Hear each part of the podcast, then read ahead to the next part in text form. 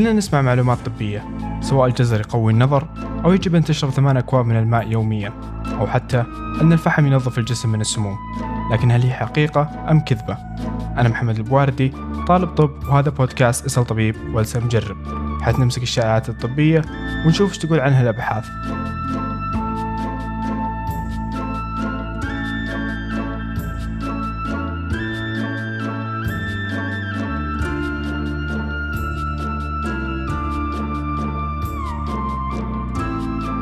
هذه الحلقة برعاية أسواق التميمي بالتعاون مع محتوايز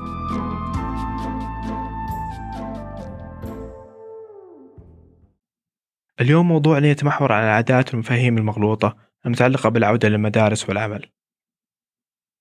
بناء على المسح الوطني السعودي للصحة النفسية في عام 2019 ف 34% من السعوديين شخصوا باضطراب نفسي بأحد الأوقات و40% منهم كانوا بالفئات العمرية 15 إلى 24 سنة أي اثنين من أصل خمسة.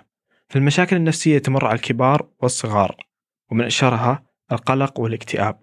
وهما أكثر اثنان قد يصيبا الطلاب مع العودة للمدارس. من الإشاعات المنتشرة عن الأمراض النفسية أنها ضعف الشخصية ولكن لا توجد أي علاقة بين ضعف الشخصية والأمراض النفسية. ولا ننسى أن المرض النفسي قد يكون سببه عضوي مثل أي مرض جسدي. والبعض يعتقد أن الشخص يستطيع أن يعالج نفسه منها أو أن يخرج منها بنفسه فلو استطاع لم يكن يعاني وأن استطاع لما سميت بمرض. فمثاله مثال من طلب من شخص كسرت قدمه الركض. وعكس أغلب الأمراض العصبية فإن الأمراض النفسية لها علاج وهو ليس بشبه مستحيل كما يعتقد البعض. فصحيح أن الأمراض النفسية بالغالب ليس منها شفاء ولكن العلاج الأمراض النفسية نسبة نجاحها عالية. فمثلا الاكتئاب رابع أسباب الإعاقة في العالم تصل نسبة علاجه إلى 70% وللأسف ما زال بعض الآباء والأمهات يعتقدون أن الأمراض النفسية عبارة أو ناتجة عن سوء في التربية فسوء التربية قد تزيد من سوء الأمراض لكنها لا تسببه. والنظريات اليوم لم تجد أسباب معينة للأمراض النفسية إلا أنها تعتقد بالغالب أنها خليط من العوامل البيولوجية والسيكولوجية والبيئة المحيطة. طيب أحس فيني أو في طفلي الاكتئاب أو القلق أو ثنائي القطب أو أي مرض نفسي متى أراجع الطبيب؟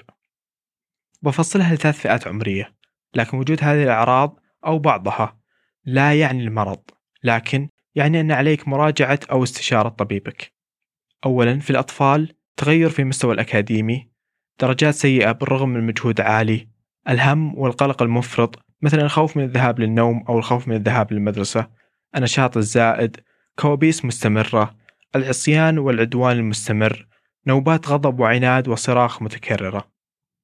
أما في المراهقين التعاطي عدم القدرة على التعامل مع المشاكل والأنشطة اليومية تغيرات في عادات الأكل والنوم الشكاوى المفرطة من الأمراض الجسدية تحدي السلطة أو التغيب عن المدرسة أو السرقة أو التخريب الخوف المفرط من زيادة الوزن مزاج سلوكي مطول وغالبا ما يكون مصحوب بضعف الشهية أو أفكار انتحارية. وأخيرا نوبات غضب متكررة. أما في البالغين التفكير المشوش الاكتئاب الطويل سواء حزن أو انفعال الشعور بارتفاعات وانخفاضات شديدة في المزاج الخوف الزائد والهم والقلق الانعزال الاجتماعي تغيرات كبيرة في عادات النوم أو الأكل شعور شديد بالعصبية أوهام أو هلوسة تزايد عدم القدرة على التعامل مع المشاكل والأنشطة اليومية وأفكار انتحارية إنكار المشاكل الواضحة وعدة أمراض جسدية غير مبررة وأخيرا التعاطي. نكرر هذه العلامات أو الأعراض ليست تشخيصية بل تعني أن عليك مراجعة أو نقاش طبيبك عن صحتك النفسية وقد لا تلاحظها في نفسك إنما يلاحظها من هم حولك. ومن أهم العوامل التي تتحكم بالصحة النفسية في كل الفئات العمرية هو النوم. فهو لا يؤثر فقط على العامل النفسي بل يؤثر على الوزن والأيض وحتى الأداء العقلي.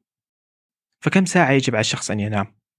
الإجابة تعتمد على عدة عوامل من أهمها العمر. فتنقسم احتياجات النوم على الفئات العمرية كالتالي ما قبل المدرسة أي من ثلاث إلى خمس سنوات يحتاجون 10 إلى 13 ساعة نوم يوميا بما فيها القيلولة. أما بالنسبة لمراحل بداية الدراسة أي من 6 إلى 12 سنة فيحتاجون 9 إلى 12 ساعة في اليوم. أما بالنسبة لسن المراهقة من بين 13 إلى 18 سنة فيحتاجون 8 إلى 10 ساعات خلال اليوم. أما البالغين من عمر 18 إلى 60 عام يحتاجون 7 ساعات متواصلة أو أكثر. وطبعا هذه الساعات تختلف من شخص إلى آخر فالبعض قد يشبع من سبعة والآخر من تسعة. طيب كيف أعرف أني شبعت نوم أو أحتاج نوم زيادة؟ من أعراض قل النوم هي اضطرابات المزاج وقد تصل إلى القلق والتوتر أو حتى الاكتئاب. ودراسة عملت في منظمة الحفاظ على الصحة في ميشيغان أثبتت أن قل النوم قد يرفع معدل الإصابة بالاكتئاب أربع أضعاف مقابل الشخص المنظم نومه. ناهيكم عن قل التركيز والإنتاجية وأيضا العصبية الزائدة. كلنا سمعنا العقل السليم في الجسم السليم وأساس الجسم السليم في التغذية. ولكن للأسف شائعتين دائما نسمعهم عن التغذية. الأولى الفطور أهم وجبة في اليوم. صحيح أن الفطور أكثر وجبة في اليوم تأثر على توازن الطاقة من بين الثلاث وجبات فبدونه قد يصعب وقتك في المدرسة أو العمل. بل حتى أن بعض الدراسات ربطت وجبة الفطور بقل احتمالية السمنة وزيادة الوزن وبعضها ربط ترك وجبة الفطور بزيادة الخطورة بالإصابة بداء السكري. في المقابل هناك دراسات أنكرت هذا الكلام. فإلى الآن الأبحاث ليست متأكدة بشكل كامل من الفوائد الصحية لوجبة الفطور. ولكن أكل وجبة غنية بالكربوهيدرات في بداية يومك هي فكرة حسنة لشحن طاقتك. الموضوع الثاني وهو موضوع مثير للجدل هو الابتعاد عن الدهون قدر المستطاع أو أن الدهون غير صحية. ولكن في الحقيقة أن الدهون عنصر أساسي في التغذية مثله مثل البروتين والكربوهيدرات. في الغذاء الصحي يجب أن يتكون من نسب معينة من هذا الثلاثي الغذائي.